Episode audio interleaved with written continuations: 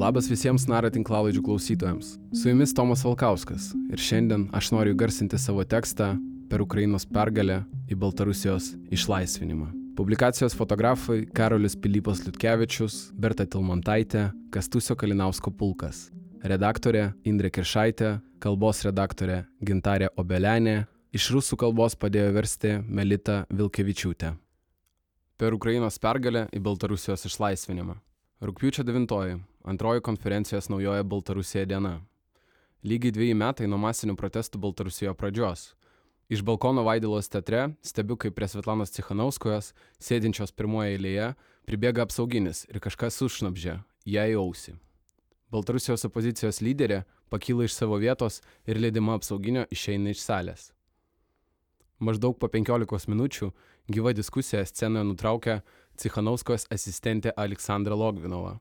Politinis performances visgi įvyko. Turime laikinai nutraukti konferenciją ir išeiti į lauką, kad policija čia viską patikrintų. Per mikrofoną į publiką kreipėsi ji. Balkone toj pat pasirodo policininkai ir pradeda atsargiai dairytis, kartais nukreipdami žvilgsnį po kėdėmis. Tikrina, ar už garso kolonėlių ir prožektorių nėra įtartinų daiktų. Išėjęs į lauką, perskaitau naujieną. Lietuvos policija gavo pranešimą apie galimą šio ir dar 16 pastatų užminavimą. Gatvėje stovinioja pora šimtų į konferenciją atėjusių žmonių. Jie ramiai tęsia pokalbis. Panašu, kad Lukašenkas specialiųjų tarnybų provokacijų visi ir tikėjosi. Sėdžiu ant soliuko, šalia sėdi moteris. O ką tu čia veiki, kam atstovauji? Kreipėsi į mane baltarusiškai. Esu naras žurnalistas, atsakau irgi baltarusiškai. Tada prasideda pokalbis apie tai, iš kur aš moku baltarusių kalbą ir kaip baltarusiams sunku Lietuvoje rasti žmonių, su kuriais jie galėtų ją kalbėtis. Moters vardas Viera. Ji yra laisvai samdoma fotografė. Viera klausia, Bet ko gero dabar lietuviams Baltarusija visai neįdomi. Atsakau, kad įdomi, bet priduriu, kad žinoma dabar visų dėmesys nukreiptas į karą Ukrainoje. Abu sutinkame, kad pasaulyje, taip pat ir Lietuvoje, Baltarusiai dabar laikomi koagresoriais. Jei ne 20-ieji, neįsivaizduoju, kaip į mus žiūrėtų. Niekada to nenusiplautume, sako Viera. Šimtatūkstantiniai protestai 2020-aisiais Baltarusijoje po suklastotų prezidentų rinkimų demokratinio pasaulio akise tapo įrodymu, kad Baltarusiai siekia laisvės. Tai šiek tiek sumažino įtampą jų atžvilgių, tačiau jos vis dar yra. Jokių bombų teatre nebuvo rasta, todėl po valandos visi grįžtame atgal. Konferencija Naujoji Baltarusija taikosi tapti istorinė. Opoziciniam judėjimui Baltarusijoje patiriant krizę ir bandant atsilaikyti prieš kritiką, jo atstovai susirinko Vilniuje priimti sprendimų, kuriais galėtų paspartinti Lukašenkos režimo pabaigą. Svarbu ir tai, kad konferencijos išvakarėse ir jos metu pirmą kartą nuo 20-ųjų pradėta garsiai kalbėti apie pasipriešinimo jėgą Minsko režimui. Taikioji baltarusiška revoliucija transformuojasi ir gauna griežtesnių formų. Vadimas Prokopjevas, buvęs verslininkas, o dabar vienas baltarusių savanorių būrių Pahonė įkūrėjų ir karinio Baltarusijos išlaisvinimo idėjas šalininkas, kritikuodamas Cichanovską dėl ryšto ir politinės valios stokos, sako, kad yra pasirengęs supažindinti ją ir visuomenę su baltarusiškoju Čerčeliu, kuris galėtų tapti sukurtos alternatyvios vyriausybės ministrų pirmininku. Tai yra su buvusiu karininku Valerijų Sahaščiku. Pertraukose tarp diskusijų pastebiu, kaip Valerijus Sahaščikas ant palangės pasidėjęs telefoną ar užrašų knygelę, pašnipždomis kalbasi su savimi. Dvi dienas jis sėdėjo pirmoje eilėje, kaip ir Cichanauskaja. Atrodo, kad jis repetuoja kalbą. Sahašikas yra buvęs Baltarusijos oro desantininkų pulkininkas, vadovavęs elitiniai Bresto 30-osios atskirosios gvardijos desantininkų brigadai bei sukūręs prestižinę pratybų sistemą Jodasis Erelis, skirtą desantininkų ištvermiai patikrinti. Baltarusijoje jis didelį autoritetą turintis karininkas. Šiandien jis sėkmingas verslininkas ir pilietinis aktyvistas – Karo pradžioje jis rašė vaizdo kreipimąsi į Baltarusijos kariuomenę su raginimu nedalyvauti įsiveržiant į Ukrainą ir nevykdyti neteisėtų Lukašenkos įsakymų. Nuo pat karo pradžios Baltarusių bendruomenėje netylo kalbos apie poreikį turėti vyriausybę užsienyje. Nemažai Cichanauskos priešininkų ir sąjungininkų pastaraisiais mėnesiais dažnai kalbėjo apie politinių struktūrų kūrimą, kurios padėtų pasidalinti atsakomybėmis ir paspartintų pokyčius Baltarusijoje. Pasiūlymas buvo motivuojamas tuo, kad Cichanauska yra vienintelė demokratinio judėjimo atstovė, turinti tautos mandatą ir pasaulinę įtaką. Prokopijevas, buvusių Cichanauskos sąjungininkų Valerijaus ir Veronikos Cepkalo Liepo organizuotame demokratinių jėgų forume Berlyne, sakė, kad pirmas klausimas, kurį užduoda tarptautiniai partneriai, bandant užmėgti su jais ryšius, skamba taip - kas esate Svitlanai Cichanovskai? Pati Cichanovskaja sako mananti, kad struktūros galėjo būti kūriamas ir anksčiau. Nežinau, gal mano nenoras ką nors daryti užsienyje buvo klaida - vyriausybė, parlamentą ir panašiai. Bet neprisimenu tokio baltarusių prašymo. Suprantu, kad žmonės, ypač buvę pareigūnai, norėjo struktūros, norėjo aiškumo, norėjo, kad būtų taip kaip Baltarusija - aiškus parlamentas, aiški vyriausybė, pareigų paskirstimas. Tai, kad Sahašikas kartojasi kalba Vaidilos teatro koridoriuose, yra ženklas, jog sprendimas dėl struktūrų kūrimo jau priimtas. Konferencijos uždarimo proga į sceną žengusi Cichanovskaja pavadina šią struktūrą pereinamosios vyriausybės kabinetu ir pradeda kviesti į sceną pirmosius jo atstovus. Pirmasis į sceną lipo buvęs Baltarusijos kultūros ministras ir diplomatas Pavelas Latuška. Jis atsakingas už valdžios tranzitą. Buvusių Baltarusijos jėgos struktūrų pareigūnų perėjusi į tautos pusę organizacijos Baipol vadovas Aleksandras Azarovas paskirtas atsakingas už teisėtvarkos atkūrimą. Buvęs diplomatas Vašingtone, šiandien vadovaujantis Cichanovskojo štabui Kyivė, Valerijus Kovalevskis atsakingas už užsienio reikalus. Ir galiausiai žmogus, kurį Cichanovskoje savo kalbos metu pavadino pagrindiniu demokratinio judėjimo atradimu, Valerijus Sahašikas. Jis atsakingas už gynybą ir nacionalinį saugumą. Praėjus mėnesį kabinetas paskelbė savo pirmąjį dekretą, kuriame kaip didžiausią prioritetą nurodė Baltarusijos suvereniteto išsaugojimą, o Baltarusijos vidaus reikalų ministerija jau spėjo įtraukti pereinamosios vyriausybės kabinetą į ekstremistinių organizacijų sąrašą.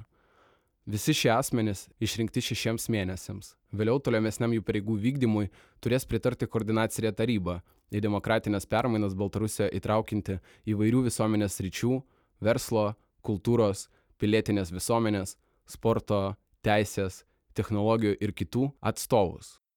Žuvė Belarus pradeda šaukti salę, pasitikdama konferencijos rezultatus ir pereinamąją vyriausybę.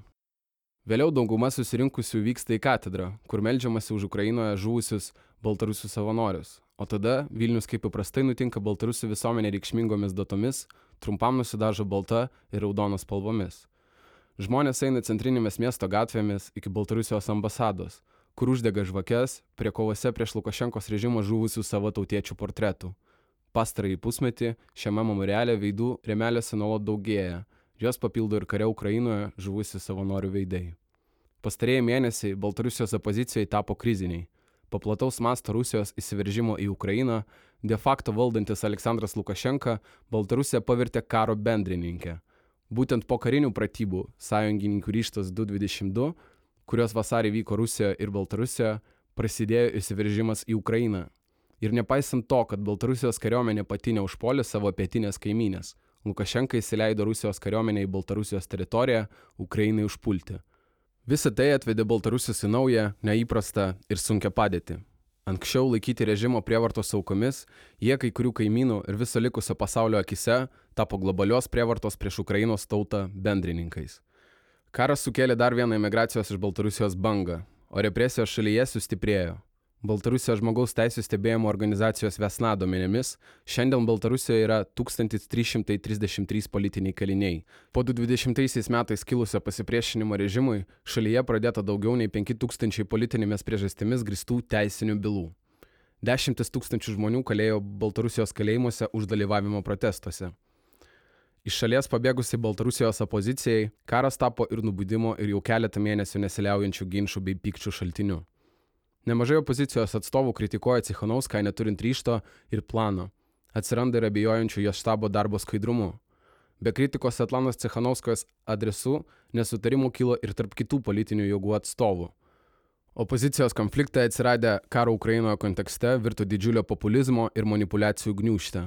Sunku suprasti, kaip viešas susipriešinimas gali priartinti Baltarusiją prie Lukašenkos diktatūros nuvertimo. O šalyje likę ir iš jos pasitraukę Baltarusiai, kadaise mane, jog permainos jau visai arti, suvokė, kad padėties Baltarusijoje pakeisti nepavyko ir šalis toliau juda Lukašenkos diktuojama kryptimi. Dveji lyderystės metai. Cichanovskojo štabo pastatas yra viename mėgamųjų Vilniaus rajonų. Šalia tęsiasi judri gatvė. Prie įėjimo apsauga. Įėjęs vidun pirmiausia pastebi tautinius Baltarusijos atributus ant lentynų. Visur užkabinti ir sustatyti politinių kalinių portretai, plakatai su protestų užrašais, knygos. Prisėdu viename iš kabinetų, netrukus eina Svetlana Cichanovskaja. Iki jos inicijuotos konferencijos naujojo Baltarusija dar likusios dvi savaitės. Trys pagrindiniai 2020-aisiais į rinkimus ėjusios Cichanovskojos tikslai buvo šie - Lukašenkos atsistatydinimas, prievartos prieš taikius protestuotojus nutraukimas ir visų politinių kalinių išlaisvinimas. Šie tikslai tapo tautos ultimatumo pateiktų Lukašenkai 2020 rudenį reikalavimais. Vilniuje įsikūrusi Cichanovskojos komanda pastarosius dviejus metus ieškojo tarptautinės paramos, siekė sankcijomis sukelti spaudimą režimui. Tačiau Kyivas smogus pirmoms raketoms, pagrindinis opozicijos tikslas tapo išsaugoti Baltarusijos valstybę. 2020 metais mes nesupratome, kodėl Kremlius taip stipriai užstojo Lukašenką, o dabar prasidėjus karui suprantame, kad šis placdarmas jiems buvo reikalingas užimti Ukrainą. Dabar mes suvokime tiesioginę grėsmę savo nepriklausomybei, nes Lukašenka taip nori išlikti valdžioje, išlaikyti stiprų kumštį, kad neaišku, kokias nuolaidas Kremliui jis gali padaryti, sako Cichanovskaja. Po vasario 24-osios šalis išlaikė nepriklausomybę nuo Rusijos tik formaliai. Rusijos kariai naudoja Baltarusiją karinės technikos transportavimui ir lėktuvų pakilimui. Daiktus pavoktus Ukrainoje Rusijos kariai siuntė į gimtinę per Baltarusijos paštą. Pasienyje su Ukraina gyvenančios Baltarusijos tapo Rusijos karių seksualinės prievartos aukomis. Prasidėjus karui tapo aišku, jog Kremlius nemato atskirų tautų nei Baltarusijoje, nei Ukrainoje. Dabar mums reikalingas glaudesnis bendradarbiavimas su Ukraina, nes mūsų tikslai tie patys. O Kremlius su savo imperialistinėmis ambicijomis nenori paleisti mūsų, kaip iš esmės ir kitų šalių, iš savo kontrolės. Todėl kovojame prieš pertiklinę Rusijos įtaką, tęsė Cichanovskaja. Per pastarosius dviejus metus Cichanovskaja apie Rusiją yra pasisakiusi įvairiai. 2020 rugsėjai interviu Rusijos leidiniui RBK ji vadino Putiną išmintingų vadovų. O dar prieš Baltarusijos prezidento rinkimus Euroradio žurnalisto paklausta kieno Krymas, ji pareiškė, juridinė prasme Krymas Ukrainos, o faktinė Rusijos. Kitame interviu Cichanovskaja pasitaisė, sakydama, kad Krymas priklauso Ukrainai, tačiau jos pirmasis pasisakymas ilgam strigo Baltarusių ir Ukrainos piliečių bei vadovybės atminty. Paklausiau jos, ar pritarė, kad Kremlius šiandien Baltarusijos strateginis priešas. Baltarusiai nori pakeisti diktatūrinį režimą, tai jų teisė. Kur mes judėsime, arčiau Europos, Australijos ar dar kur nors, tai mūsų rūpestis, tikrai ne Kremliaus. Todėl sutinku su šiuo teiginiu, atsakė ji. Keičiasi ne tik Cichanovskojos nuomonė, bet ir jos asmenybė. Jaučiasi stipri charizma, ji kalba atvirai ir aiškiai. Atrodo, kad iš žiniasklaidoje linksniuojamos namų šeimininkės, kuri politikoje neilgam, neliko nieko. Šiandien jį susiformavusi, patirties ir pasaulinį pripažinimą įgavusi politikė Dviejus metus mane kritikavo Pilipurvo propaganda, todėl į įžeidimus tiesiog nebereaguoju, sako Cichanovskaja. Vakarykščiai sąjungininkai, šiandienos oponentai. Paraleliai formuojasi naujas demokratinių jėgų atstovų sparnas, kurio narius suvienijo kritika Cichanovskajai. Jam vadovauja buvę Cichanovskojos bendražygiai - Valerijus ir Veronika Cepkalo. Konferencijos metu Veronika Cepkalo sakė, kad ją labiausiai neramina tai, jog 20 metų rinkimų metu susikūrė štabas, į kurio sudėtį įėjo ji, šiuo metu kalėjime sėdinti Marija Kalesnikova ir Svetlana Cichanovskaja, virto vieno asmens, tai yra Cichanovskojo štabu. Rinkimuose Cepkalo atstovavo savo vyrui, Valerijui Cepkalo, palikusiam Baltarusiją 2020 Liepos pabaigoje. Pats Valerijus pastaraisiais mėnesiais gana griežtai pasisako apie Cichanovskają ir mini tai 120, tai 150 milijonų dolerių vakarų valstybių jai suteikta parama tačiau nėra įrodymų, kad tokio dydžio sumas iš tikrųjų buvo skirtos. Prieš kelias savaitės Cichanovskos YouTube kanale pasirodė vaizdo įrašas, kuriame jos atstovas teigia, jog 2020 metais Europos komisija Baltarusijos demokratiniam judėjimui skiria 30 milijonų eurų paramą. Pasak jo, šios lėšos naudojamos išvykusiam iš šalies baltarusiškam verslui, nepriklausomai žiniasklaidai, mokslui ir kitoms sritims paremti. Cichanovskos atstovas sako, kad jie patys lėšų neskirsto, o siekdami gauti finansavimą, kartu su kitomis demokratinio judėjimo iniciatyvomis teikia paraiškas Europos institucijoms. Štabo pinigai aptarinėjami nepriklausomoje Baltarusijos žiniasklaidoje, tačiau Cichanovskojos atstovai per dviejus metus nėra viešai paskelbę savo veiklos finansinės ataskaitos. Šią vasarą Veronika ir Valerijus Cepkalo surengė du demokratinių jėgų forumus, į kuriuos buvo pakviesta ir Cichanovskaja, tačiau jį į juos neatvyko. Jie, Cichanovskaja ir jos komanda, autoriaus pastaba, nerado laiko, nes yra labai užsijėmę tarptautiniais vizitais. Interviu sako Veronika Cepkalo. Ir pridarė, kad jai Cichanauskos susitikimai su pasaulio politikais atrodo nenaudingi. Vyriausiasis Svetlanos Cichanauskos patarėjas Franakas Večiorka neseniai Naša Nyvo pasirodžiusiame interviu teigė, kad Valerijus Cepkalo grįžo į politinį lauką tik po šių metų vasario. Anot Večiorkos, prieš tai Valerijus buvo nustojęs jungtis prie kas savaitinių bendrų Cichanauskos, Pavelo Latuškos ir 2020 prezidentų rinkimuose bandžiusio kandidatuoti politiko, šiuo metu kalinčio Baltarusijoje, Viktoro Babarykos komandų. Anot Večiorkos, prieš tai Valerijus buvo nustojęs jungtis prie kas savaitinių bendrų Cichanauskojos, Pavelo Latuškos ir 2020 prezidentų rinkimuose bandžiusio kandidatuoti politiko, šiuo metu kalinčio Baltarusijoje, Viktoro Babarykos komandų narių vaizdo skambučių. Tačiau prasidėjus karui, kai kaltinamai dėl Cichanauskojos ryšto ir kompetencijų stokos pradėjo skambėti garsiau, pasak Večiorkos, Valerijus Cepkalo vėl įsitraukė į politinį gyvenimą. Pavyzdžiui, lydėdavo savo žmoną tarptautinių vizitų kartu su Cichanauskojos atstovais metu. Veronika Cepkalo sako, kad ji ir Cichanauskaja nepalaiko ryšių. Su Svetlana nesikalbėjome daugiau nei metus. Atrodo, kad Baltarusijos opozicijos veiksmai karo Ukrainoje atžvilgiu Veronika Cepkalo neįtin domina Man sunku vertinti, nes mes beveik nebendravome. Sunku vertinti tai, kas man neįtin žinoma, sako ji, atsakydama į mano klausimą, kaip jį vertina Svetlanos Cichanausko štabo darbo efektyvumą karo kontekste. Gegužę kartu su Cichanauskaja ji atsėmė Karolio didžiojo premiją Vokietijoje. Organizatorių paklausta apie tolimesnius Baltarusijos ir Rusijos santykius, Cepkalo sakė, Dabar nelaikas kalbėti apie geopolitiką, nes pirmiausia turime atsikratyti Lukašenkos, bet žlugus jo režimui, Baltarusija turės pradėti mėgsti gerus santykius su visais partneriais ir kaimynais, įskaitant Rusiją. Cepkalo įvardė trys pagrindinės jai, jos vyrui ir jų rėmėjams rūpimas problemas - užkulisinius Atlanos Cichanovskijos sprendimus, pinigų paskirstimą ir štabo Vilniuje įtaką nepriklausomos Baltarusijos žiniasklaidos darbui tą akimirką kai veronika cepkalo nuo vaidilos teatro scenos prabyla apie siūlymą sukurti nepriklausomą žiniasklaidos kontrolės komitetą publika sunerimsta. Iš skirtingų salės kampų pasigirsta ir juokas ir pasipiktinimas. Kai kurie konferencijos dalyviai pakaitomis kelia rankas norėdami užduoti klausimą cepkalo. Siūlymas kontroliuoti žiniasklaidą čia susirinkusius žmones suglumina o idėjos autorė susidūrusi su publikos reakcija atrodo susigėsta. Pasak veronikos per pastaruosius dvejus metus ji ir jos vyras dirbo prie kelių iniciatyvų kurios sulaukė mažai žiniasklaidos dėmesio. Pavyzdžiui valerijus cepkalo paskelbė vienuolikos milijonų eurų rinkimų akciją siekdamas įvykdyti lukašenkos suėmimą. Veronika savo ruožtu įkūrė fondą padedantį su represijoms baltarusijoje susidūrusioms moterims. Tačiau nepriklausoma baltarusijos žiniasklaida neignoruoja cepkalo iniciatyvų. Jo organizuojamas demokratinių jėgų forumas buvo nušviestas pagrindiniuose informaciniuose portaluose kaip ir Valerijaus pradėta 11 milijonų eurų rinkimų akcija bei Veronikos moterų fondas. Tačiau apie Cichanovsko štabo įtaką žiniasklaidoje kalba ne tik Cepkalo. Rūpiučio 17 dieną portale Zerkolo pasirodė interviu su Svetlanos Cichanovskojos patarėju Franuku Večorka. Interviu metu, remdamasi savo šaltiniais, žurnalistė Tatjana Ašurkevič teigė, kad Večorka, kuris į politiką atėjo iš žurnalistikos, dalyvavo kelių žinomų Baltarusijos žiniasklaidos priemonių susitikimuose – be to penkiolikos baltarusijos telegram kanalų administratoriams rekomendavo skelbti naujienas apie Svetlanos Cichanauskos veiklą. Žurnalistė tvirtina, kad kartais Večiorka net ragindavo ištrinti jam nepatinkančią informaciją. Pats Večiorka neigia, jog siūlydavo medijoms ką rašyti, o ko ne. Tačiau neneigia, kad dalyvavo susitikimuose. Niekada neatsisakėme bendradarbiauti, tiesiog norime skaidrumo, demokratijos, norime būti įtraukti, norime matyti, kaip finansai paskirstomi ir išleidžiami, interviu sako Veronika Cepkalo ir priduria, 2020-aisiais mus vienijo ne žmogus, o principai. Į Cepkalo pasisakymus konferencijoje Cichanovska sureaguoja jautriai.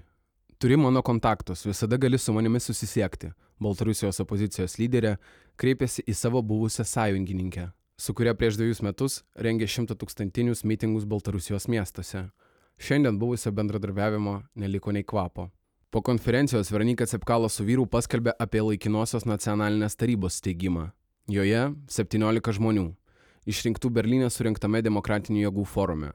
Tarp jų 2020 rinkimuose kandidatuoti bandžiusio Viktoro Babarykos rinkiminės kampanijos štabo narė Liubovė Šibaršina, Cichanovskojos rinkimo štabo narė Tatjana Sivačenko, bei viena labiausiai Cichanovskoją kritikuojančių iniciatyvos Našdoms teigėja ir politinė aktyvistė Olga Karač. Mūsų pokalbio metu Veronika Cepkalo sako, kad skirstyti postus politikams taip, kaip tą darė Cichanovska konferencijoje, paskelbdama pirmus pereinimo kabineto narius, yra destruktyvu ir nedemokratiška, nes pasak jos, politikus turi rinkti žmonės. Skirti savo ištikimus žmonės tai eiti diktatūros link, o mes nenorime pakeisti Lukašenkos, kalbėjo ji. Pasak leidinio Zerkalo IO, praėjus mėnesį nuo laikinosios nacionalinės tarybos įkūrimo ją paliko šeši nariai. Pasak jų, skilimas įvyko dėl to, kad dalis narių nepasitarė su kitais, dalyvavo Laisvosios Rusijos kongrese rūpiučio 31 rugsėjo 2 dienomis vykusiame Vilniuje. Taip pat dėl to, kad rinkimus, kurios taryba planuoja surenkti Baltarusijos demokratinio judėjimo viduje, planuojama įtraukti ir Rusijos opozicijos atstovus. Jie būtų stebėtojai. Mes ir toliau tvirtiname, kad Rusija yra priešė ir okupantė, o jos imperialistinės ambicijos kelia grėsmę laisvų šalių ir tautų nepriklausomybei ir nacionaliniai tapatybei. Sakome laikinąją nacionalinę tarybą palikusių narių pareiškime. Be Veronikos Cepkalo Cichanovskos veikla abejoja ir daugiau konferencijos dalyvių. Pavyzdžiui, Vadimas Prokopjevas, buvęs restorano verslo atstovas ir vienas iš Pohonio savanorių būrio įkūrėjų, anksčiau yra sakęs, kad Cichanovska neturi plano ir per lietai reaguoja į svarbius įvykius. Lukašenkos režimas stebėdamas opozicijos tarpusavio ginčius ploja rankomis. Buvusių Baltarusijos saugumo pareigūnų perėjusių į piliečių pusę asociacijos Baipol vadovas Aleksandras Azarovas mūsų interviu metu teigia, kad Rusija pasidalino su Baltarusija technologijomis hybridiniam karui vykdyti. Anot Azarovo, Rusijos vadovybė sukūrė informacinių atakų ir civilių gyventojų dezinformacijos koncepciją karo Ukrainoje pradžioje, dar 2014 metais. Ji buvo sukurta siekiant užtikrinti, kad Donbaso užgrobimas ir Krymo aneksija vyktų kuo mažiau priešinantis vietos gyventojams. Pasak Azarovo, prasidėjus protestams Baltarusijoje, šias technologijas Rusijos saugumo pajėgos perdavė savo kolegams Minske. Kai 20 rūpjūtį išėjau už tarnybos, informacinio karo skyriai buvo tik pradėti kurti. Jie buvo kuriami visose struktūrose - vidaus reikalų ministerijoje, gynybos ministerijoje, KGB, visur yra tokių skyrių, o jų užduotis - įsitraukti informacinę konfrontaciją. Matome šios botus, taip pat neigiamus komentarus, nuolat pasirodančius žiniasklaidoje. Tai jų darbas. Šie skyriai plečiasi. Žinau, kad 2020 rūpjūtį šiame skyriuje Gubopik, Baltarusijos jėgos struktūrų padalinys skirtas kovoti su organizuotu nusikalstamumu ir korupcija. Azarovas anksčiau jame tarnavo. Autoriaus pastaba buvo penki žmonės, dabar jų yra dvidešimt. Tai reiškia, kad Lukašenka mato naudą ir stiprina šią kryptį. Samdo vis daugiau darbuotojų, sako Aleksandras Azarovas. Baltarusių savanorių pėtsakas kare Ukrainoje. Kai pirmosios raketos smogė Kyivui ir kitiems Ukrainos miestams, dalis Baltarusių matė šios raketų smūgius gyvai. Po 2020 m. protestų Baltarusijoje Ukraina kartu su Lietuva, Lenkija ir Latvija tapo prieglapščiu nuo režimo bėgantiems baltarusiams. Prasidėjus karui, vieniems iš jų vėl teko bėgti, o kiti liko, pasiėmė į rankas ginklus, kad pasipriešintų bendram priešui. Baltarusių kariai sudaro antrą pagal dydį po kartvelų užsieniečių grupę Ukrainos ginkluotojų pajėgų gretose. Ukrainoje susiformavo keli atskiri Baltarusių savanorių padaliniai. Visi jie yra tarptautinio legiono apie kurios sukūrimą vasario 27 dieną paskelbė Ukrainos prezidentas Volodymyras Zelenskis, dalis. Visgi nemažai savanorių iš kitų šalių Ukrainoje kariauja jau nuo 2014-ųjų, taip pat ir Baltarusiai. Kai atvykau į Ukrainą 2014 metais, buvau įsitikinęs, kad prasideda didelis karas tarp Rusijos ir Ukrainos. Sako vienas didžiausia Baltarusio karinio padalinių, Kastusio Kalinausko pulko vadų Vadimas Kabančiukas. Karas Ukrainoje suteikia visoms mūsų regiono tautoms galimybę susilpninti Rusiją arba sukelti jos karinį pralaimėjimą. Tai istorinė galimybė visam regionui pasitraukti iš kolonijinės priklausomybės nuo Rusijos. Suvokimas, kad Lukašenka veda šalį į nebūtį, kabančiukai atėjo, kai 1994-aisiais Šklovo valstybinio ūkio Garadets direktorius Lukašenka buvo išrinktas nepriklausomos Baltarusijos prezidentu, jis valstybės valdyme greitai ėmė dėkti represinius metodus. Iš pradžių 1995-aisiais pakeitė konstituciją, suteikdamas rusų kalbai valstybinės statusą ir pakeisdamas nacionalinę simboliką, o 1996-aisiais jau pasirašė pirmosius sutikimus dėl integracijos su Rusija. Tai sukėlė tautos nepasitenkinimo bangą, kurią opozicija pavadino Minsko pavasariu. Protestai vyko 1996 ir 1997 metais. Juose dalyvavo ir Kabančiukas. Aš dalyvavau keliose susidūrimuose su milicija Minske. Tais laikais tokie susidūrimai buvo ganėtinai dažni, prisimena jis. Po protestų prieš integraciją su Rusija ir akcijo Černobilski šlech, lietuviškai Černobilio kelios, ir Dzienvoli, lietuviškai valios diena, Kabančiuką sulaikė ir apkaltino pasipriešinimu milicijai ir masiniu tvarkos trikdymu. Jį pusę metų pasodino į tardymo izolatorių. Vėliau nuteisė trejiems metams kalėjimo, atidedant bausmę. O tai reiškia, kad kaltinimai bus panaikinti, jei nuteistasis gerai elgsis. Aš esu vienas pirmųjų politinių kalinių Baltarusijoje, sako Kabančiukas. Vėliau už aktyvizmą jis buvo sulaikytas ir 2011 bei 2012 metais. Į Ukrainą Kabančiukas atvažiavo iškart po Maidano revoliucijos ir iki šiol neišvažiavo. Karo pradžioje, 2014-aisiais, Ukrainos pietuose jis prisijungė prie Ukrainos savanorių korpuso. Tuo pat metu kiti baltarusiai už Ukrainą kariavo skirtingose savanorių padalinėse, taip pat ir Azov nuo 2014 metų. Nuo 2014 metų Ukrainoje kariaujantis baltarusiai vėliau tapo Kalinausko pulkų pagrindu. Tai vaikinų, kurie žino, ką reiškia karas, brandolys, sako Kabančiukas. Invazijos pradžioje Baltarusių Kalinausko batalionas, dabar pulkas, buvo Kyivo teritorinės apsaugos sudėtyje. Tai buvo padalinys saugantis Ukrainos sostinę ir jos apylinkės. Pirmosiomis plataus masto invazijos dienomis Kabančiukas vykdė kovinės misijas Vyžhorode ir Vasilkyve. Tuo metu jie, Rusijos karinė vadovybė, metė desantą ir bandė užimti Vasilkyvo aerodromą. Ten mus suskirstė grupėmis, kiekviena vykdė savo užduotis. Mūsų grupė saugojo prieš raketinę gynybą. Vieni saugojo aerodromą, kiti kareivinės, prisimena Kabančiukas. Kita Baltarusijos savanorių dalis dalyvavo sunkiose mūšiuose ir Pinėje ir Bučioje. Laikui bėgant, kai Baltarusių batalionas išaugo į pulką, Kalinovcai ėmė kariauti toli už Kyivo ribų. Mūsų vaikinai vykdė užduotis pačiuose karščiausiuose Ukrainos fronto taškuose. Kontrpolime šalia Hersono, taip pat dalyvavo ginant Severodonetską ir mūšiuose prie Lesičansko, pasakoja jis. Pasaka Bančiuko, Ukrainoje Baltarusijos kariai yra gerbiami. Jis sako, kad jų dalyvavimas pačiuose sudėtingiausiose karinėse susidūrimuose buvo nulemtas nes Kalinovsai ir kiti Baltarusių savanoriai turėjo gerą reputaciją. Šių metų balandžio pabaigoje politikos ir nepriklausomas Ukrainos prezidento patarėjas Oliksijus Arestovičius įvardėjo Baltarusių padalinius kaip vieną iš pajėgiausių Ukrainos armijos dalių. Nuo vasario 24 dienos Ukrainoje žuvo mažiausiai 11 baltarusių savanorių, keturi iš jų buvo iš Kastusio Kalinausko pulko. Be tiesioginio dalyvavimo kare, Kalinausko pulkas nekartą skelbė apie savo nusiteikimą su ginklu rankoje išvaduoti Baltarusiją nuo Lukašenkos režimo. Matome, kad mums reikės pašalinti diktatorių.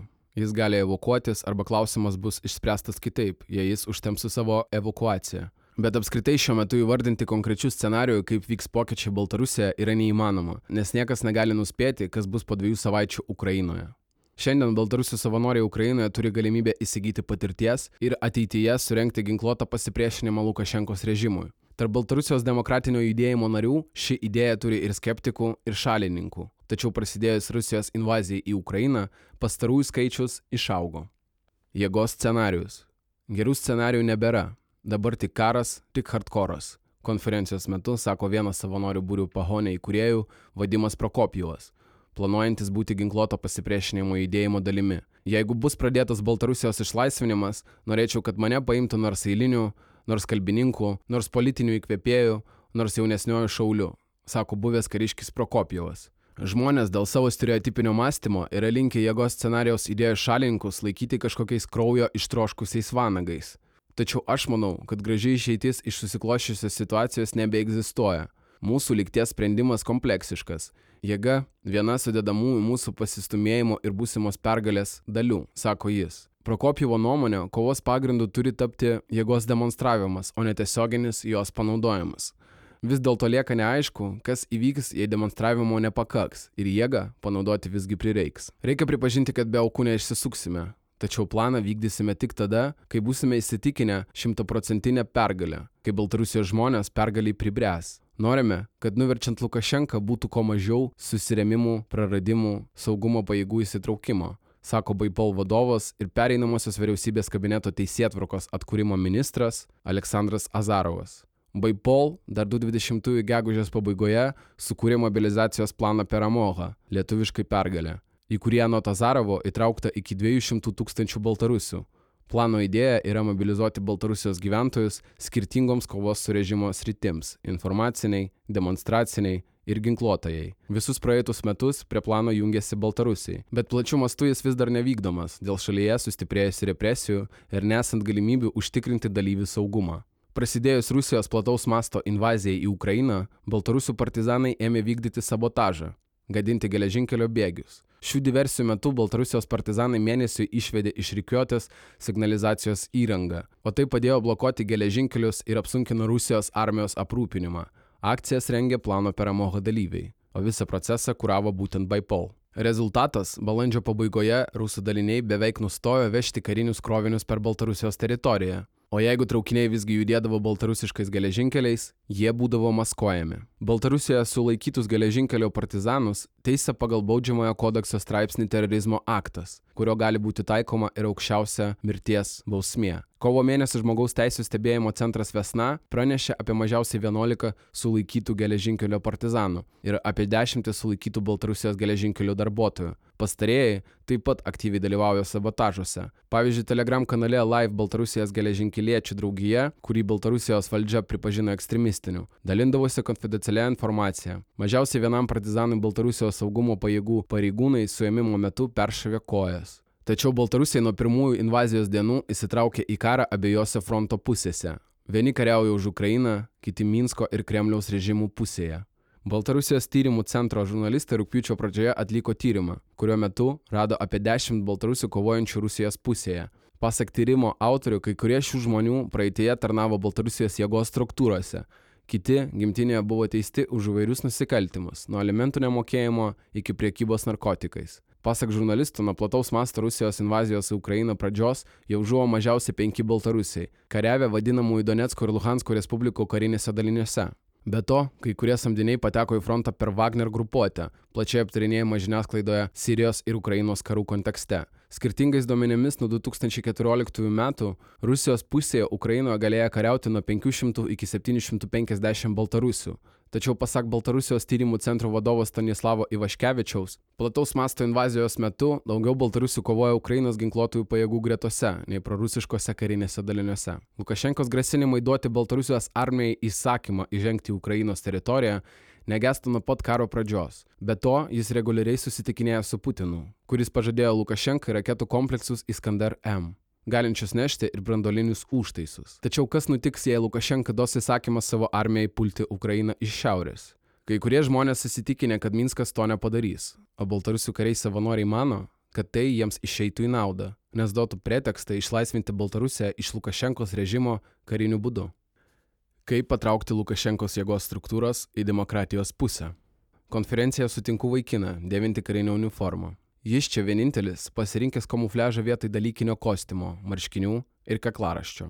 Ant dešiniojo pėties antsiuvas su balta raudona balta spalvų vėliava, ant kairiojo vytis ir užrašas - Kastusio Kalinausko pulkas. Aš čia kaip privatus asmo, ne kaip pulko atstovas, bet esu pulko sudėtėje, sako žurnalistas, YouTube kanalo Sergej Bispalov autorius, Kalinausko pulko spaudos tarnybos kuriejas Sergejus Bispalovas. Jis sako, kad atvyko į konferenciją pasimatyti su pažįstamais ir pažiūrėti, kas vyksta Baltarusijos demokratinio judėjimo viduje. Kame žmonės verda Kyivę, aš žinau. Kame verda Mukolajeve, aš taip pat maždaug įsivaizduoju. O štai kame verda Vilnius ir Varšuva, pusę metų nebuvau, todėl nusprendžiau pažiūrėti. Įdomu. Išskyrus Bespalovo, daugiau Kalinausko pulko karių konferencijoje nėra. Jis dar keletą kartų pabrėžė, kad atvažiavo ne kaip savanorių padalinio atstovas, Antrąją konferencijos dieną oficialiame Kalinausko pulko Telegram profilyje pasirodė pareiškimas, kad jo atstovai šiame renginyje nedalyvauja. Matau tai, alternatyvios Baltarusijos armijos sukūrimą, autoriaus pastaba, kaip realią galimybę, žinoma, jei Lukašenka įves savo kariuomenę į Ukrainą. Būtent kariuomenę. Tada taip. Tada, manau, daugelis žmonių, kurie bus šioje kariuomenėje, perės į mūsų pusę. Be to, ten taip pat bus nesutarimų, ginčių, masto Bespalovas. Apie didelę tikimybę, kad baltarusių kariai ir teisėsaugininkai pereis į Ukrainos pusę, jei jiems bus įsakyta pulti, kalba ir kiti mano pašnekovai. Mes žinoma nesiuošiame kariauti nei su Baltarusijos armija, nei su policijos pajėgomis. Todėl, kad mes suprantame, jog dauguma baltarusių, įskaitant ir teisėsaugininkus, yra šios sistemos įkaitai. Teisėsaugininkų psichologija skiriasi nuo civilių. Jie veikia tam tikroje paradigmoje, tam tikrose aplinkybėse, kurios neleidžia jiems išeiti iš už savo kolektyvų ribų. Bet mes manome, kad dauguma Baltarusių teisės saugininkų nuspręs teisingai, kai bus iškeltas Baltarusijos diktatoriaus klausimas.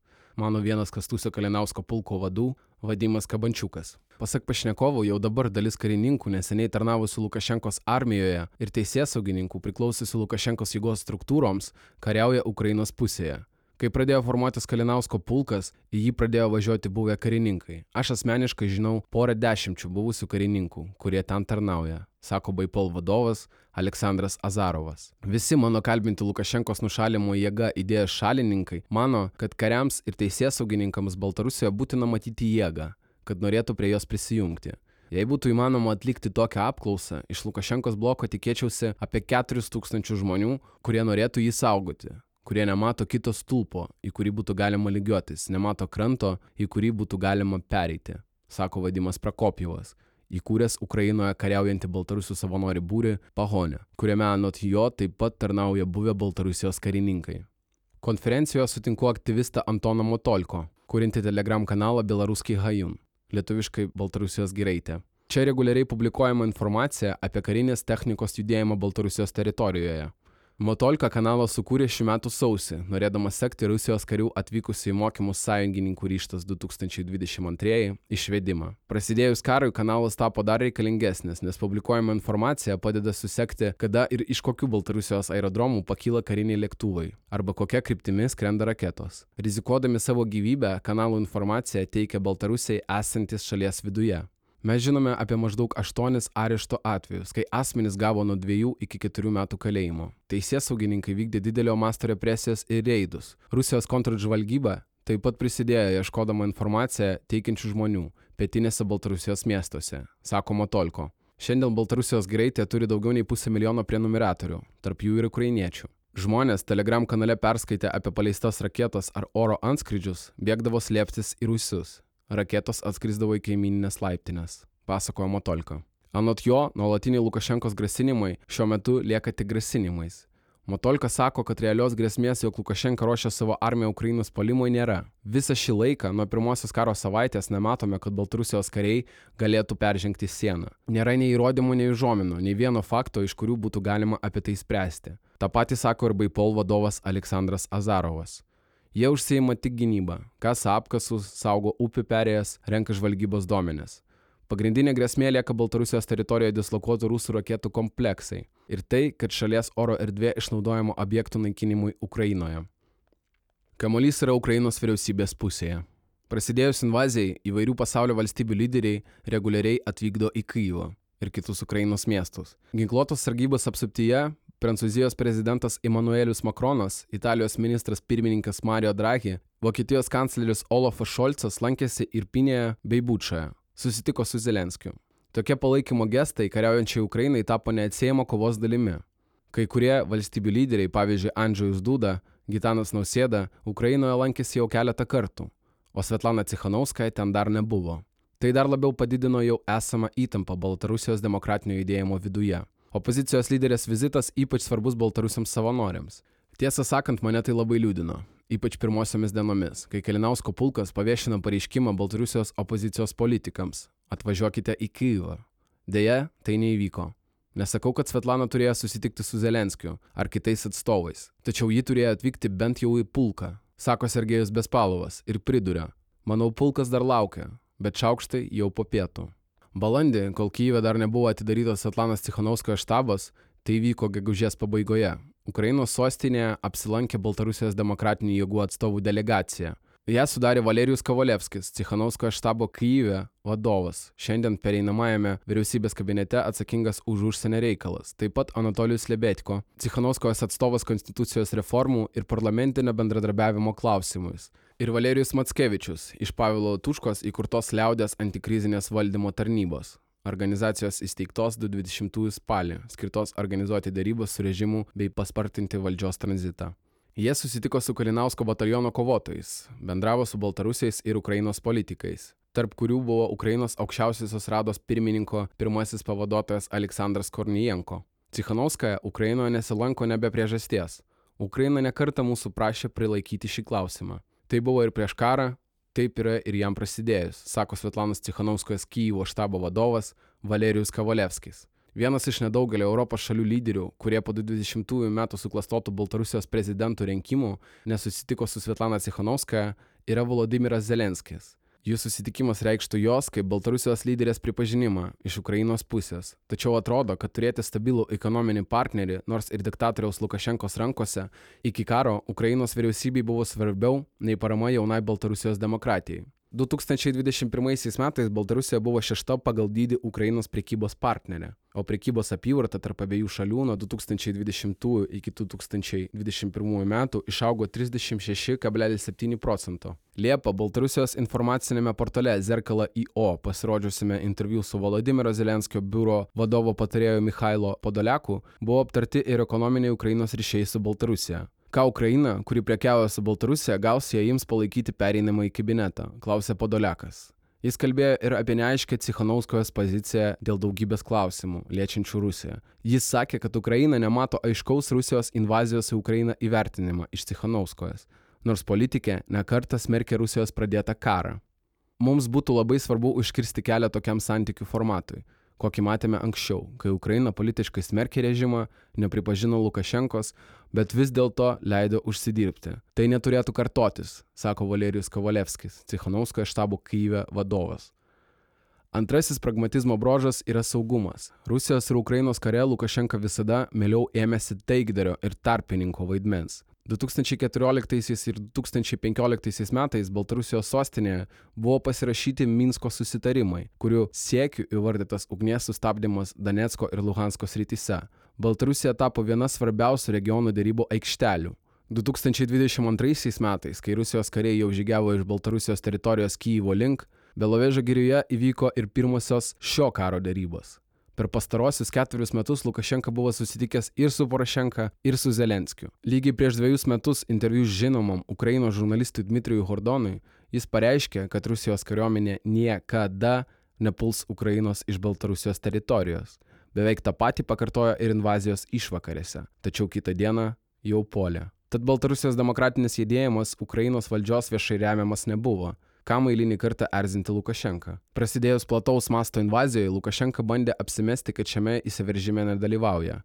Po nesėkmingos karinės kampanijos link Kyivo, Rusijos karių skaičius Baltarusijos teritorijoje gerokai sumažėjo. Kalbama, jog Ukrainos valdžia vis dar vengia kontaktų su Baltarusijos opozicija, taip siekdama išvengti šiaurinio fronto atsiverimo iš Baltarusijos pusės.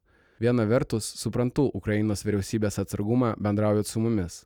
Nes taip, Lukašenka dabar faktiškai kontroliuoja Baltarusiją bet visi matė jo tikrąjį veidą. Esu pasiruošusi susitikti ir dvišalių lygmenių, ir daugiašaliuose susitikimuose, kartu su kitų šalių atstovais. Formatas nesvarbus. Dabar kamuolys yra Ukrainos vyriausybės pusėje, sako Svetlana Cichanovskaja. Cichanauskojo štabas teigia, jog be to, kad Ukraina vengia susitikti, yra ir tam tikrų grėsmių lyderės saugumui. Kreipimėsi į Baltarusijos politikus dėl atvykimo į Kyivą, Kalinausko pulko atstovai pareiškė, kad yra pasirengę pasirūpinti visą logistiką. Be to, kad Cichanovskaja vis dar nesilankė Kyjive, kai kurių savanorių kritika jai ir kitiems Baltarusijos opozicijos nariams skamba ir dėl kitų priežasčių. Kai prasidėjo karas, kai kuriais klausimais įvyko nesusipratimų. Kvietėme Baltarusius mobilizuotis, priešintis, o jie ragino imtis antikarinių demonstracijų, sako vienas iš Kalinausko pulko vadų, Vadimas Kabančiukas. Pasak Kabančiuko, šiandien Kalinausko pulko ir Cichanausko štabo santykiai yra geresni. Vėliau jie, aš kalbu apie Cichanausko štabą, Pradėjo šiek tiek keisti savo retoriką ir darbotvarkę. Buvo užmėgsta tam tikrų ryšių. Jie mums pristatė keletą technikos vienetų. Buvo suteikta ir kitos pagalbos, pridurė Kabančiukas. Savanorių konfliktai. Atrodo, kad nuo scenos apie valdžios nuvertimo jėgą scenarijų kalbantis politikai ir visuomenės aktyvistai yra optimiškesni, nei jiems leidžia realybė. Pavyzdžiui, ne iki galo aišku, kaip būtų planuojama šią armiją apginkluoti ir išlaikyti. Dar niekada nebuvo galima parengti tokių profesionalių karių už tokius nedidelius pinigus. Interviu sako buvęs verslininkas, vienas iš pahonios savanorių būrio įkūrėjų Vadimas Prokopijovas. Šiandien Ukrainos armija reguliariai pasipildo ginkluotę ir profesionalų karybos instruktorių iš užsienio patirtimi. Kokybiškas karinis pasirengimas plinta ir link baltarusių savanorių, kuris taip pat ginkluoja Ukrainos kariuomenę. Visgi Baltarusiai savanoriai Ukrainoje yra Ukrainos ginkluotojų pajėgų kariai, tačiau pagal Ukrainos įstatymus užsienio piliečiai negali tapti karininkais. Tai reiškia, kad Baltarusiai paklūsta Ukrainos kariniai vadovybei. Visos karinės užduotis atliekamas vadovaujant Ukrainos karininkams. Kastusio Kalinausko pulkas neabejotinai pasirengęs laisvinti Baltarusijos su ginklų rankoje. Kitas reikalas, ar mums tai spręsti. Vis dėlto mums vadovauja Ukrainos ginkluotosios pajėgos. Mums vadovauja UVŽ, Ukrainos vyriausiasis žvalgybos direktoratas. Autoriaus pastaba. Jie mums išduoda ginklus, jie moka išmokas, rengia ir jeigu jie pasakys ne, mes paklusime, sako žurnalistas ir Kalinausko pulko karys Sergejus Bespalovas. Baipol nariai įsitikinę, kad prasidėjus ginkluotai kovai už Baltarusiją, ginklą į rankas paims ir tie, kurie tuo metu bus šalies viduje. Baltarusijoje labai daug medžiotojų, turinčių leidimus ginklui, sako organizacijos vadovas Aleksandras Azarovas. Visgi kol kas visos šios nuomonės yra hipotetinės. Jėgos scenarijaus šalininkai sutinka tikriausiai tik su tuo, kad nenori pralieti per daug kraują, ne vienoje potencialaus konfliktų pusėje. Suprantama, kad mes žmonės, kurie matė karą čia, Ukrainoje, visiškai nenorime, kad kažkas panašaus vyktų Baltarusijos teritorijoje. Dėsime visas pastangas, kad pokyčiai pas mus įvyktų kuo taikesniu formatu, kad ir kaip keistai tai skambėtų, sako vienas Kastusio Kalinausko pulko vadų Vadimas Kabančiukas. Baltarusių savanorių padaliniai Ukrainoje nėra vieningi. Birželį Svetlana Cichanovskaja patvirtino, kad Ukrainos ginkluotojų pajėgų gretose kariauja apie pusantro tūkstančio baltarusių savanorių. Realūs skaičiai gali būti šiek tiek kitokie. Negaliu pasakyti tiksliai, bet tai šimtai žmonių. Pasakysiu vieną. Karo sąlygomis pulkų laikomas būrys, kuriame yra nuo 450 žmonių, sako žurnalistas Kastusio Kalinausko pulko karys Sergejus Bespalovas. Pulkas - didžiausias Ukrainoje egzistuojantis baltarusių padalinys. Vadimas Prokopjevas neatskleidžia tikslaus pahonio būrių karių skaičiaus. Galiu pasakyti tik tiek, kad mes užaugome, bet galėjome užaukti šimtą kartų didesni, jei nebūtų pasipriešinimo. Deja, Šis pasipriešinimas atėjo iš tevinainių pusės. Koks tai pasipriešinimas pašnikovas nepatikslina, tik sako, kad jo pagrindas yra vidinė kova ir pavydas. Klausiu tiesiai, kokie būrio pagonio santykiai su Kalinausko pulku.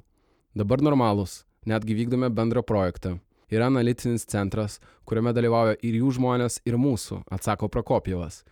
Jo žodžiuose nelabai daug entuzijazmo. Kalbant su Sergejum Bespalovu, taip pat jaučiasi įtampa, kai kalba pasisuka apie Prokopjevą ir jo žvilgsnį į išlaisvinimo judėjimą. Vadimas Prokopjevas labai daug kalba apie išlaisvinimo armiją. Gerai kalbėti, kai padalinyje turi 30 žmonių. Tikslus pagonio būrio narių skaičius neatskleidžiamas, autoriaus pastaba. Man atrodo, vadimas Prokopjevas truputį nutolęs. Viešų konfliktų su kitais savanoriais Kalinovci turėjo ir anksčiau, Pavyzdžiui, invazijos pradžioje Odesoje susiformavo Ilijos Lietvino Baltarusių savanorių būrys. Skirtingais duomenimis būrį sudarė nuo 10 iki 20 žmonių. Gegužės pabaigoje tarp Litvino būrio ir Kalinovcų įvyko konfliktas. Pulko kariai iš Odesos būrio pastarųjų teigimu panaudojo jėgą ir atėmė ekipuotę teikdami, jog renka pinigus ir karo nepasiekiančius fronto reikmenis, nes šie dalykai ten reikalingesni. Kitaip nei Kalinovcai, Litvino būrio kovotojai kariniuose veiksmuose tuo metu nedalyvavo, o išsiėmė tik Odesos saugojimu. Odesos būrių kovotojai vėliau paskelbė savo paaiškinimą, kaip klostėsi įvykiai. Jie teigia, kad Kalinovcai grasindami konfiskavo jų turtą bei sumušė vieną iš Litvino būrio vadų. Be to, Odesos būrio atstovai pasakoja, kad atėjome turto Kalinovcai pagrobė jų vadą, kuris susisiekė su jais tik praėjus dviem dienoms po įvykio. Pasibaigus šiam konfliktui, dalis Litvino būrio kovotojų prisijungė prie Kastusio Kalinausko pulko ir įstojo į jame susiformavusi taip pat Ilijos Litvino vardu pavadintą batalioną. Vėliau pulkas pareiškė, kad jo ir Litvino būrio vado santykiai liko geri, o žiniasklaida iškraipė incidento eigą ir esmę. Liepos pabaigoje leidinėje Belsat pasirodė straipsnis, kuriame keli buvę Kastusio Kalinausko pulko kariai dalyjosi savo patirtimi tarnaujant pulke. Jie teigia, kad dalinėje egzistuoja dedovšina, periodiškai renkami pinigai, o kariai masiškai palieka pulką. Kalbant apie pinigus, kovotojai iš tiesų pervedė 10 procentų savo atlyginimą į pulko fondą. Oficialūs Kalinausko pulko atstovai informacijos apie pinigų rinkimą neneigia. Tačiau pasak pulko vadovybės, pinigai pervedami savanoriškais pagrindais, o tokios sistemos įvedimą inicijavo patys kovotojai. Pasak vadovybės, šie pinigai skiriami sužeistų karių gydimui ir kitiems svarbiems poreikiams. Pasak Sergejaus Bespalovo, čia dedovšina painiojama su disciplina. Paprastas pavyzdys - tas Tichonas, vienas apie Dedavšiną Kalinausko pulke Bilsat liūdėjusių buvusių pulkų karių. Autoriaus pastaba. Atėjo į mūsų pulką, padarė samostrėlą. Netyčia į save šovė iš kovinio ginklo. Autoriaus pastaba. Už tai buvo nubaustas. Ant jo neperšaunamas lemenės parašėme. Paklauskite, kodėl aš nešioju neperšaunamą lemenę. Tuomet jis pradėjo sakyti, kad tai dedovšina. Įsivaizduokite, jeigu išeitumėte su tokiu žmogumi į žvalgybą, o jis padarytų samostrėlą. Štai ir visa dedovšina. Tačiau Bespalovas sako, kad šiandien ne prie vieno Baltarusių savanorių padalinio nėra nusidriekusių ilgų kovotojų eilių. Taip, pradžioje suveikia emocijos ir aš ten nuėjau tikriausiai vadovaudamasis emocijomis. Kai prasidėjo karas, kai buvo bombarduojamas Kyivas, dabar emocijos išblėso. Neliko didelio noro, grubiai tariant, kovoti dėl Mikolaevo, sako Sergejus Bespalovas. Viena keturiasdešimtoji. Liepos vidury Kastusio Kalinausko pulko spaudos tarnyba paviešino vaizdo įrašą, kuriame pareiškė, kad nebedarbiaus su didžiausiu Baltarusijos labdaros fondu Baisol, nes nenori dalyvauti Baisol renkamų pinigų grobstime. Pulkas pareiškė, kad vienintelė pagalba, kurią gavo iš Baisol fondo per beveik šešis invazijos mėnesius, buvo 15 šalmų. 2020 m. vasarą Baisolų kūrė Andrėjus Trižakas. Euromaidano revoliucijos metu jis savanoriavo Kyive kur 2014 metais pradėjo pirmąją lėšų rinkimo kampaniją skirtą padėti Ukrainos protestuose žuvusio Baltarusio Mikhailo Žiznevsko šeimai. 2015-aisiais jis įkūrė organizaciją Humanitarinis maršrutas Baltarusija ATO. Oficialiai Ukraina karo su Rusijos remiamais separatistais Donbase vadina antiteroristinę operaciją, autoriaus pastaba. Vėliau penkerius metus teikusi humanitarinę pagalbą Donbase. Pats reguliariai lankydavosi rytų Ukrainoje, Anksčiau pagrindinis Baisol fondo tikslas buvo rinkti lėšas nukentėjusiems nuo režimo represijų Baltarusiams. Prasidėjus invazijai, fondas pradėjo rinkti lėšas humanitariniai pagalbai Ukrainos ir Baltarusijos savanoriams. Baisol paviešintoje pusės metų karo finansinėje ataskaitoje nurodoma, kad fondas Baltarusijos savanoriams surinko beveik 156 tūkstančius eurų. Iki ataskaitos paskelbimo buvo išmokėti beveik 86 tūkstančiai eurų. Už šios pinigus buvo perkamos transporto, apsaugos priemonės, medicinos reikmenys. Ataskaitoje rašoma, kad Kastusio Kalinausko pulkos iš Baisol gavo 100 turniketų, 15 taktinių kuprinių ir 20 kevlarinių šalmų. Vadovaujantis šią informaciją apie 100 turniketų ir 20 šalmų, palyginus su surinkta suma, būtų tik dešimtadalis šių lėšų. Klausimas, kur likusios lėšos ir kodėl jie nutarė jas paskirstyti tokiu keistu būdu? Dėl jų veiklos kilo labai daug klausimų, tad tiesiog nusprendėme su jais nebendradarbiauti sako vienas iš pulko vadų Vadimas Kabančiukas. Iš viso Kalinausko pulkui skirta amunicija kainavo 3817 eurų. Tai yra 2,45 procentų visų surinktų lėšų, skirtų Baltarusiams savanoriams kariaujantiems Ukrainoje.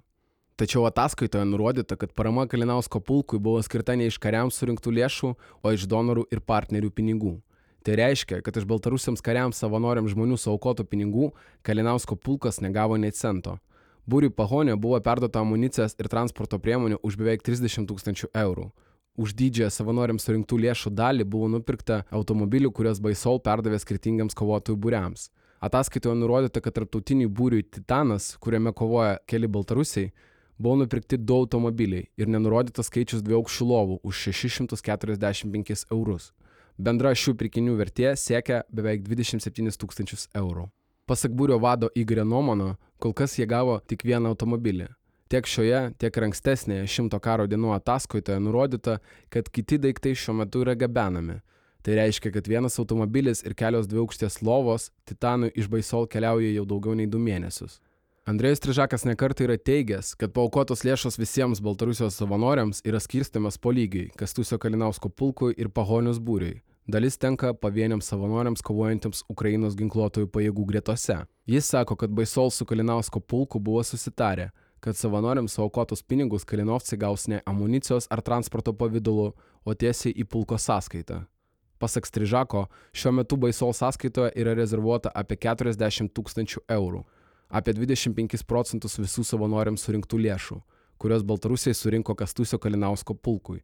Tačiau kariai atsisako šių pinigų ir nebepalaiko jokių ryšių su Strižaku. Baisol įkūrėjas kvietė Kalinovcus atviro pokalbio, tačiau pulko atstovai viešai atsisakė. Pulko vadas Vadimas Kabančiukas teigia, kad problema yra ta, jog Baisol iš pradžių nekomunikavo su Kalinovcais. Jie pradėjo rinkti lėšas, nepaklausę, ko mums konkrečiai reikia Pasak Strižako, fondas neįma komisinio mokesčio už pervestą paramą, o laikosi iš arbatpinigių, kurios gali palikti aukotojai, bei dotacinės stambių verslų, ES ir JAV paramos. Interviu žurnalistai Nikitojai Milkoziorovui, jo YouTube kanale Žaiz Malina, lietuviškai gyvenimą savietę, Andrėjas Strižakas sakė, kad kai kurių baisol darbuotojų atlyginimai gali siekti 3000 eurų per mėnesį. Per dviejus savo darbo metus Baisol pateikė tris ataskaitas.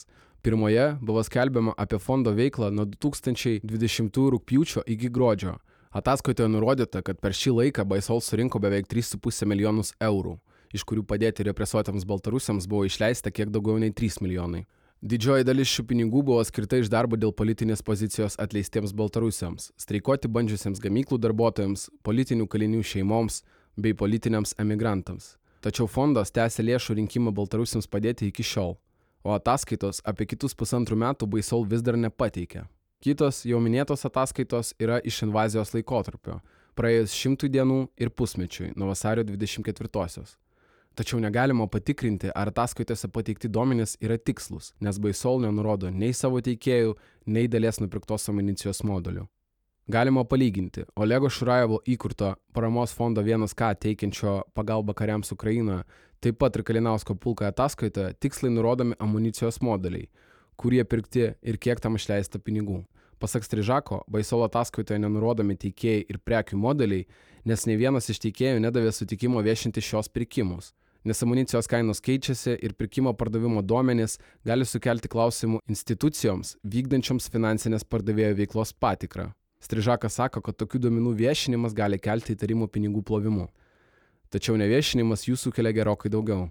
Paklausus kaip nežinant prekių modelių ir vietos kur jos buvo nupirktos patikrinti ar pateiktos išlaidos yra tikros strižakas atsako na aukojimas tai pirmiausiai pasitikėjimas. Tačiau pasitikėjimui reikia skaidrumo garanto kurio baisol remiantis jų ataskaitomis nesuteikia. Pasak blogerio ir kalinausko pulko kovotojo sergejaus bespalovo pulkas nesiruošia atgaivinti bendradarbiavimo su baisol ryšių nebuvo ir nebus. Esu tuo tikras. Kalinausko pulko kovotojams kaip ir kitiems kariniams daliniams reikalinga nuolatinė pagalba technika. Kopteriai termovizoriai dronai štai ko reikia šiuolaikiniame kare. Deja šiuo metu ukraina susiduria su problemomis. Tad devyniasdešimt procentų misijų dabar vykdo savanorių atvežti dronai ir termovizoriai sako vienas iš kastusio kalinausko pulko vadų vadimas kabančiukas Ačiū, kad klausėte šio teksto įgarsinimą. Norėdami pamatyti šios publikacijos fotografijas, galite apsilankyti svetainėje nara.lt. Ten rasite ir daugiau mūsų tekstų, galėsite prenumeruoti Nara naujienlaiškį ir paremti mūsų veiklą per platformą Contribui. Dėkui, kad esate kartu ir iki kitų kartų.